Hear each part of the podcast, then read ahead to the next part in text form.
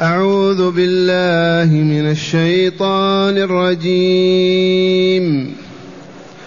وله من في السماوات والأرض كل له قانتون. وهو الذي يبدأ الخلق ثم يعيده وهو أهون عليه. وله المثل الأعلى في السماوات والأرض وهو العزيز الحكيم. ضرب لكم مثلا من أنفسكم هل لكم مما ملكت أيمانكم من شركاء فيما رزقناكم؟ فيما رزقناكم فأنتم فيه سواء تخافونهم كخيفتكم أنفسكم كذلك نفصل الآيات لقوم يعقلون بل اتبع الذين ظلموا أهواءهم بغير علم. فمن يهدي من أضل الله وما لهم من ناصرين. معاشر المستمعين والمستمعات من المؤمنين والمؤمنات قول ربنا جل ذكره وله من في السماوات والأرض كل له قانتون. وله أي لله المعبود بحق. لله رب السماوات والأرض وما بينهما. لله المعطي والمانع والضار والنافع المحيي والمميت لله ذي الأسماء الحسنى والصفات العلى. له ملكا وخلقا وتصرفا وإيجادا وإعداما ملكا كاملا من في السماوات والأرض. ما من ملك في السماء ولا جن في الأرض ولا في السماء ولا إنسان في هذه الأرض. الكل مملوك لله عز وجل. إذ هو خالقهم ورازقهم ومحييهم ويميتهم إذا الكل له. فكيف إذا يعبد معه غيره؟ بأي منطق أو ذوق أو حق؟ ما دام يملك كل الكائنات وهي كلها مربوبة له يتصرف فيها كما يشاء كيف يوجد بينها من يعبد معه؟ وقد يكون حجرا أو صنما يا للعجب. وله تعالى من في السماوات والأرض من إنس وجن وملائكة وغير هذا من سائر المخلوقات. كل له قانتون أي مطيعون مذعنون خاضعون. يحييهم يميتهم يعزهم يذلهم يعطيهم يمنعهم. الكل قانت بمعنى خاضع لله عز وجل. وإن قلت ها هم قد عصوه من الإنس والجن ولم يعبدوه أو عبدوا معه غيره أين هذا القنوت والطاعة؟ والجواب كما علمتم أن من عصاه كمن أطاعه. الكل خاضع لتدبير الله عز وجل وحكمه فيهم وقضائه عليهم. العصاة ما خرجوا عن طاعة الله التي هي قضاء وقضاء عليهم. كتب هذا.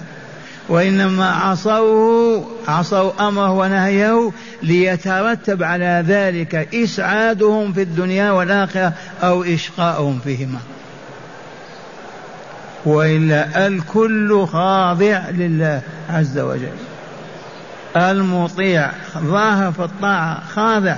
وفي نفس الأمر كتب الله له هذا لا بد وأن يفعله. وصدق الله العظيم إذ قال كل له قانتون. وفي هذا تقرير مبدأ القضاء والقدر ورد على القدرية. لعلي ما أوضحت لكم. أخبر تعالى وخبره الصدق والحق. أن كل من في السماوات من الملائكة؟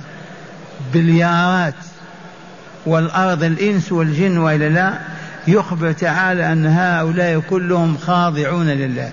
أليس ذلك بحق؟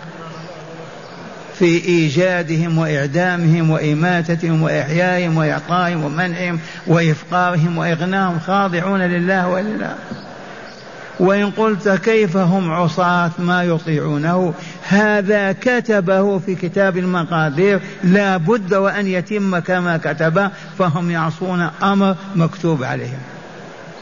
وإن قلت لما يعذبهم إذا والجواب لأن أعطاهم قدرة على أن يفعلوا ولا يفعلوا. وبعث إليهم من يعلمهم ويبين لهم. فإن أطاعوا استجابة لأمر الله أسعدهم في دنياهم وأخراهم. وإن عصوا وتمردوا عليه وفسقوا بإرادتهم ليس بإكراه منهم فليس إذن إلا أن يعذبهم ويذلهم ويهينهم هذا معنى قوله تعالى وله أي الله عز وجل من في السماوات والأرض أي من الملائكة والإنس والجن كل له قانتون مطيعون خاضعون مستسلمون لأمره وقضائه وقدره. ثم قال تعالى وهو يعرف بنفسه وهو الذي يبدأ الخلق ثم يعيده وهو أهون عليه. هو لا سواه لا غيره يبدأ الخلق والإيجاد ثم يعيد ثم ثم يعيده بعدما يميته ويفنيه وينهي ويمهله ويمهله. هو وحده لا شريك له في بدء الخلق وإعادته فلم إذن يعبد معه غيره؟ لما يصر المشركون على عبادة غيره من مخلوقاته؟ يا للعجب لماذا لا شريك له في بدء الخلق وإعادته بعد إفنائه وموته خاص به. ثانيا وهو أهون عليه. أهون بمعنى هين كقول وكان ذلك على الله يسيرا. ولكن من باب إقناع الناس وإفهامهم أليست الإعادة أهون من البدء؟ دائما نقول كونك تبني قصرا صعب بناؤه لكن إذا تريد أن تهدم هدمته الإعادة أسهل. ولكن الله عز وجل لا صعب عنده أبدا وإنما من باب ما يفهم الناس أن الإعادة أسهل من البداية. من نسجت ثوبا بيديها إعادته أسهل من بدئه. فالله ابتدأ الخلق فكونه يعيدهم كما كانوا أيسر بالنسبة إلينا وأسهل ولكن بالنسبة إلى الله لا شيء أصعب كله يسر وكله سهل. لكن من باب إفهام الناس. وهو الذي يبدأ الخلق أي بدأ الخلق ويبدأ الآن. ملايين يوجدون غدا وبعد غد ثم يعيده بعد أن يميتهم. وهو أي تلك الإعادة أهون عليه من البداية. إعادة الخلق كما كانوا أسهل في نظرنا من بدئها أول مرة. وإيجادها بدون ما مادة. ثم قال وله عز وجل دون غيره المثل الأعلى في السماوات والأرض. الوصف الجميل الكامل لله عز وجل في السماوات والأرض وهو العزيز الحكيم. المثل الوصف المثل الأعلى السامي الذي لا يدانى ولا ولا يكن مثله أبدا لله عز وجل. وهذا يتجلى في كونه الخالق المحيي المميت المعطي المانع الضار النافع. فصفات الكمال مطلقة له عز وجل. المميت المحيي الضار النافع. المثل الأعلى خاص به هو في السماوات والأرض. وله المثل الأعلى أي الوصف الجميل الكامل التام في السماء وفي الأرض لله عز وجل وهو أيضا العزيز الغالب الذي لا يغلب. العزيز الغالب الذي لا ينازع ما يريده الذي لا يقهر أبدا الحكيم في تصرفاته يوجد ويعدم يعطي ويمنع لحكمة يسعد ويشقي لحكمة لأنه يضع الشيء في موضعه. الحكيم من يضع الشيء في موضعه؟ والله عز وجل حكيم في تصرفاته في خلقه في إيجاد المخلوقات في إغنائه في افقارهم كل ذلك قائم على مبدأ الحكمة التي وضع الشيء في موضعه. لا يغني إلا من أراد إغناه ولا يفق إلا من أراد إفقاره. لحكمة تعلقت بذلك فينجزها. ثم قال يا معشر المشركين في مكة ضرب لكم مثلا من أنفسكم. ضرب الله لكم مثل من أنفسكم. فتأملوا. هل لكم مما ملكت أيمانكم من شركاء فيما رزقناكم فيه؟ عبيدكم خدمكم. هل يشاركونكم في صندوق المال؟ يتصرفون فيه بشيء ببيع شاء أو بعير؟ أو إعطاء شاء أو بعير لغيره هل هناك من يشاركه عبده أو خادمه ويتصرف معه فيما يملك؟ الجواب لا. ابدا والله. اذا ضرب لكم مثلا من أنفسكم وهو المثل هل لكم أيوجد لكم مما ملكت إيمانكم من شركاء فيما رزقناكم فأنتم فيه سواء أنتم وخدمكم وأنتم وعبيدكم سواء تخافونهم. إذا لم تعطوهم أو, أو, أو يشاركوكم تخافونهم كخيفتكم أنفسكم أي فيما بينكم وبعضكم البعض. الجواب والله ما كان. فكيف إذا تسوون به الأصنام والأحجار؟ وتجعلونه شركاء له وهو خالقهم سيدهم ربهم مالكم كيف يعبدوا؟ يعبدون معه. أليس الناس والملائكة والجن عبيد لله؟ كيف يعطيهم الله حقه ويدخلهم معه ويتصرفون ويعبدون معه؟ مستحيل. لا بد وأن يبقوا عبيدا أذلاء يعطي من يشاء ويمنع من يشاء. وبهذا أبطل نظرية المشركين في أنهم يعبدون من يشفعون لهم عند الله.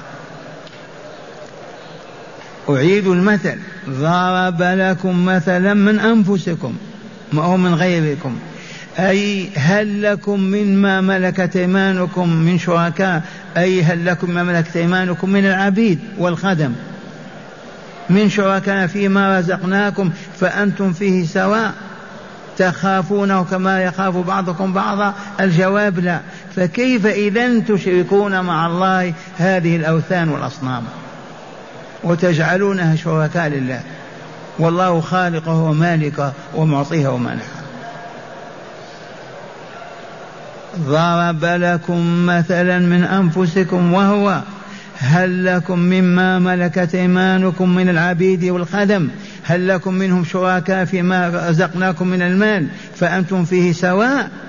السيد كالعبد في المال لا والله ما كان ولن يرضى به أحد. تخافونهم كخيفتكم كخوفكم أنفسكم؟ الجواب لا. فكيف إذا تسوون هذه الأصنام والأحجار وهذه الملائكة وهذا عيسى وتسوونهم مع الله في عبادته؟ وهم مربوبون مخلوقون لله. كيف يصبحون شركاء له؟ يعبدون كما يعبد. ثم قال تعالى كذلك نفصل الآيات أي كهذا التفصيل الذي فصل هذا البيان الذي بين هذه الأمثال التي ضربها هذه البيانات التي بينها ولكن من ينتفع بها؟ العقلاء لقوم يعقلون. أما الذين فقدوا عقولهم واتبعوا أهواءهم وجروا شهواتهم وشياطينهم ما يستفيدون من هذا البيان ولا يتلذذون به ولا يجدون فيه علما. كذلك الذي فصلناه نفصل الآيات لمن؟ لقوم يعقلون لينتفعون بها. فيوحدون الله ويعبدونه وحده ويرهبون ويخافون ويحبونه ويطلبون رضاه. هؤلاء هم العقلاء أصحاب العقول التي تمنع صاحبه وتعقله من الهوي والباطل والفساد والشر والشرك والكفر. وأخيرا يقول تعالى بل اتبع الذين ظلموا أهواءهم. من من غير بغير علم. بل ضرب على الماضي البيانات والحجج والبراهين واضحة واضحة. إذا كيف؟ ما هم بعقلاء. ثم قال بل اتبع الذين ظلموا وهم مشركون تبع أهواءهم. ومتبع الهوى ما يتبع الحق ولا يمشي وراءه ولا يعقله. إذا أخذ العبد يجي وراء هواه وما يمليه عن الهوى يعمى عن كل حق وعن كل بصيرة ولا يرى شيئا. يخبر تعالى فيقول بل اتبع الذين ظلموا أنفسهم بالشرك والكفر والعياذ بالله والفسوق والفجور اتبعوا أهواءهم بغير علم. ما هم بعالمين؟ بل اتبعوا أهواءهم. فمن يهدي من أضل الله اللهم لا أحد. فمن يهدي من أضل الله اللهم لا أحد. وهم أضلهم الله نعم لأنهم اتبعوا أهواءهم فعموا وابتعدوا عن الحق وعبدوا الأصنام والأحجار وألهوا غير الله وهم يدافعون عن الباطل والشرك. هؤلاء انغمسوا في هذا الباطل. من يهديهم؟ الله. هيا نرفع كفنا إليه إذن. هيا نرجع إلى الله ليهدينا. إذ لا هادي إلا الله. وما لهم من ناصرين. ما لهم الناصر ينصرهم ولا هاد يهديهم من ضلالهم أبدا. ما هم ما لهم الا الله. فأعرضوا عنه وكفروا به وأشركوا به وسخروا من آياته وكذبوا رسوله واتهموا بالأباطيل وحاولوا قتله. اذا من ينصرهم دون الله لا ناصر لهم؟ فهم في جهنم. أسمعكم شرح الآيات ازدادوا علما وبصيرا. ما زال السياق الكريم في تقرير قدرة الله تعالى على البعث الذي أنكره المشركون. ما أنكروا البعث الآخر وإلا وقالوا أئذا متنا وكنا ترابا وعظاما أين لمبعوثون أو آباؤنا الأولون في آيات عديدة. هؤلاء المكذبون بالدار الآخرة. قال بذكر الأدلة العقلية وتصريف الآيات فقال تعالى وله أي لله المحيي المميت الوارث الباعث سبحانه وتعالى له من في السماوات والأرض أي من ملائكه وجان وإنسان فهو خلقهم وهو يملكهم ويتصرف فيهم. وقوله تعالى كل له قانتون أي مطيعون منقادون فالملائكة لا يعصون ما أمرهم ويفعلون ما يؤمرون والجن والإنس منقادون لما أراده منهم من حياة وموت ونشور.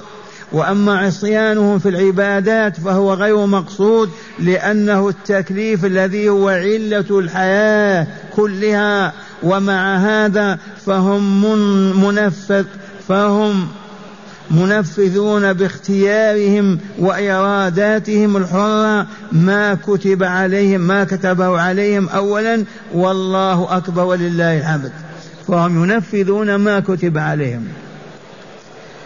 وقوله تعالى وهو الذي يبدأ الخلق ثم يعيده أي هو الله الذي يبدأ خلق خلق ما أراد خلقه في كل يوم وساعة من غير شيء ويهبه الحياة ثم يسلبها منه في آجال سماها ثم يعيده يوم القيامة. أحب الناس أم كرهوا وقوله تعالى وهو أهون عليه أي الإعادة أيسر وأسهل عليه فليس على الله شيء صعب ولا شاق ولا عزيز ممتنع. وإنما خرج الخطاب على أسلوب المتعجبين من إعادة الخلق بعد فنائه. فأعلمهم أن المتعارف عليه عندهم أن الإعادة أسهل من البداء ليفهموا ويقتنعوا. وإلا فلا شيء صعب على الله تعالى ولا شاق ولا عسير. إذ هو يقول للشيء متى اراد كن فيكون. وقوله تعالى وله المثل الأعلى في السماوات والأرض وهو العزيز الحكيم وله أي لله سبحانه وتعالى الوصف الأكمل في السماوات والأرض وهو الألوهية والوحدانية فهو رب الذي لا إله إلا هو المعبود في السماء والأرض لا إله إلا هو فيهما ولا رب غيره لهما وهو العزيز الغالب المنتقم ممن كفر به وعصاه الحكيم في تدبيره وتصريفه لشؤون خلقه. وقوله تعالى ضرب لكم مثلا من أنفسكم أي جعل لكم مثلا مأخوذا منتزعا من أنفسكم وهو هل لكم مما ملكت أيمانكم من شركاء فيما رزقناكم فأنتم فيه سواء؟ أي إنه ليس لكم من مماليككم وعبيدكم شريك منكم شريك منهم يشارككم في أموالهم إذ لا ترضون بذلك ولا تقرونه أبدا. إذا فكذلك الله تعالى لا يرضى أن يكون من عبيده من هو شريك له في عبادته التي خلق كل شيء من أجلها. فأبطل عبادة الملائكة والأنبياء والرسل فضلا عن الأحجار والنباء والأشجار. وقوله تعالى تخافونهم كخيفتكم أنفسكم أي تخافون عبيدكم كما تخافون بعضكم بعضا أيها الأحرار. أي لا يكون هذا منكم ولا ترضون به. إذا فالله وله المثل الأعلى كذلك. لا يرضى أبدا أن يكون مخلوق من مخلوقاته. ملكا كان أو نبيا أو وثنيا أو صنما شريكا له في عبادته. ما يرضى بهذا. وقوله كذلك نفصل الآيات. أي تنبيها أي نبين نفصل الآيات أي نبينها بتنويع الأساليب وضرب الأمثال لقوم يعقلون إذ هم الذين يفهمون معاني الكلام وما يراد من أخباره وقصصه وأمثاله وأوامره ونواهيه. وقوله تعالى بل اتبع الذين ظلموا أهواءهم بغير علم أي ليس الأمر قصورا في الأدلة. ولا عدم وضوح في الحجج وإنما الظالمون اتبعوا أهواءهم أي ما يهوونه ويشتهونه بغير علم من نفعه وجدواه وجدواه لهم فضلوا لذلك فمن يهديهم وقد أضلهم وقد أضلهم الله حسب سنته في الإضلال وهو معنى قوله تعالى فمن يهدي من أضل الله أي لا أحد لا أحد. وقوله وما لهم الناصرين أي يهدونهم بعد أن أضلهم الله والعياذ بالله تعالى. فهمتم معنى هذه الآيات؟ هكذا يجب أن نفهم كلام الله. هكذا يجب أن نعيش على كتاب الله. والآن مع هداية الآيات. عرفتم أن لكل آية هداية وإلا لا؟ كل آية لها هداية. كل آية علامة على أن يعبد الله وحده ويطاع في أمره ونهيه. وإليكم بيان ذلك. أولا تقرير عقيدة البعث والتوحيد بذكر الأدلة وضرب الأمثال وتفصيل الآيات كما سمعتم. ثانيا تفرد الرب تعالى بالمثل الأعلى في كل جلال وكمال لا يساويه أحد. في جلاله وكماله وله المثل الأعلى. ثالثا استحسان ضرب الأمثال لتقريب المعاني. إلى الأفهام لأن الله ضرب الأمثال. فهي مستحسنة. رابعا عظم فائدة هذا المثل. وضرب وضرب لكم مثلا من أنفسكم الآية. عظم هذا المثل الذي هو ضرب لكم مثلا من أنفسكم الآية. حتى قال بعضهم في حتى قال بعضهم فهم هذا المثل. ماذا قال؟ قال أفضل فهم هذا المثل أفضل من حفظ كذا مسألة فقهية. قال القرطبي فهم هذا المثل في الآية أفضل لك من أن تحفظ كتاب كامل في الفقه. وأنت ما تعرف لا إله إلا الله. حتى قال بعضهم فهم هذا المثل أفضل من حفظ كذا مسألة فقهية أو ديوان فقه خامسا وأخيرا قال علة ضلال الناس ما هي؟ اتباعهم لأهوائهم والله العظيم. بغير علم وبانصرافهم عن الهدى بالاسترسال في اتباع الهوى والعياذ بالله تعالى.